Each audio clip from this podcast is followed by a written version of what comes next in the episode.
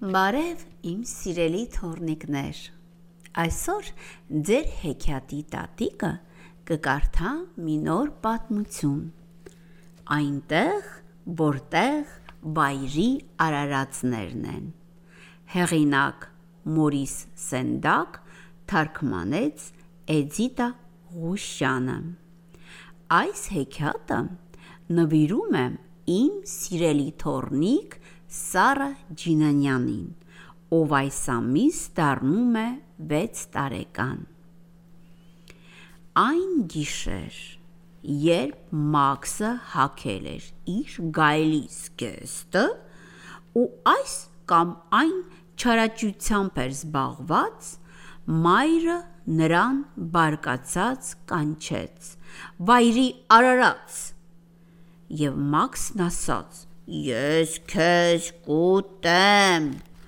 Ու մայրը նրան ուղարկեց քնելու սոված։ Հենց նույն գիշեր Մաքսի սենյակում անտառ աճեց եւ աճեց եւ աճեց մինչեւ որ առաստաղը պատվեց ճյուղերով եւ պատերը անհետացան դառնալով աշխարհն իր շուրջ։ Հետո մի օվկիանոս հայտնվեց հատուկ Մաքսի համար նավակով եւ նա նավարկեց գիշերվա միջով շափատներ դուրս ու ներս անելով եւ գրեթե մեկ տարվա վրայով մինչև հասավ այնտեղ, որտեղ վայրի արարածներն են ապրում։ Եվ երբ հասավ նա այնտեղ,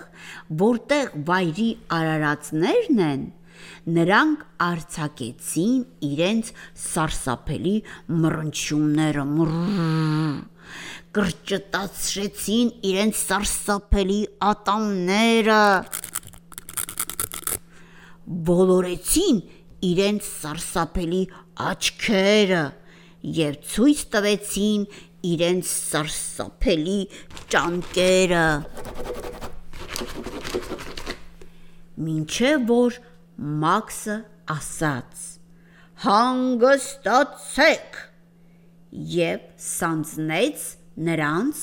իր անթարթ հայացքով, նայելով իրենց դեղին աչքերի մեջ, ու վախեցան վայրի արարածները եւ կոչեցին Մաքսին ամենավայրի արարած ու կնքեցին նրան թագավորը բոլոր վայրի արարածների։ Եվ հիմա Մաքսը ասաց.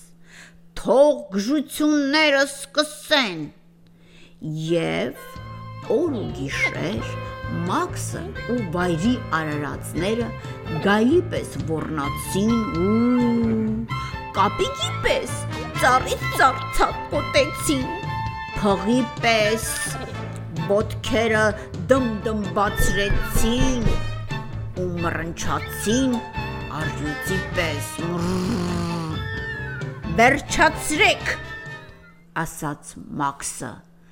եւ ուղարկեց վայրի արարածներին քնելու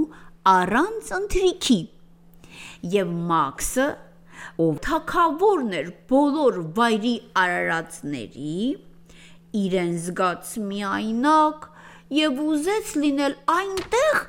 որտեղ իրեն ամենից շատ էին սիրում ու հանկարծ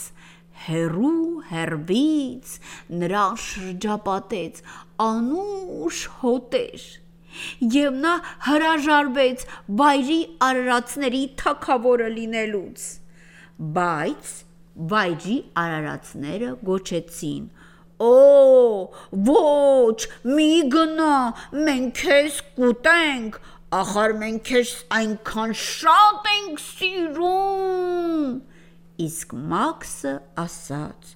Ոչ։ Վայրի արարածները արցակեցին իրենց սարսափելի մռնչյունները, կրճտացրեցին իրեն սարսափելի ատամները, բոլորեցին իրենց սարսափելի աչքերը եւ ցույց տվեցին իրենց սարսափելի ճանկերը։ Բայց Մաքսը նստեց իր սեփական նավակը եւ թափահարեց նրանց ցտեսություն։ Հետո հետ նավարկեց նատարվա վրայով,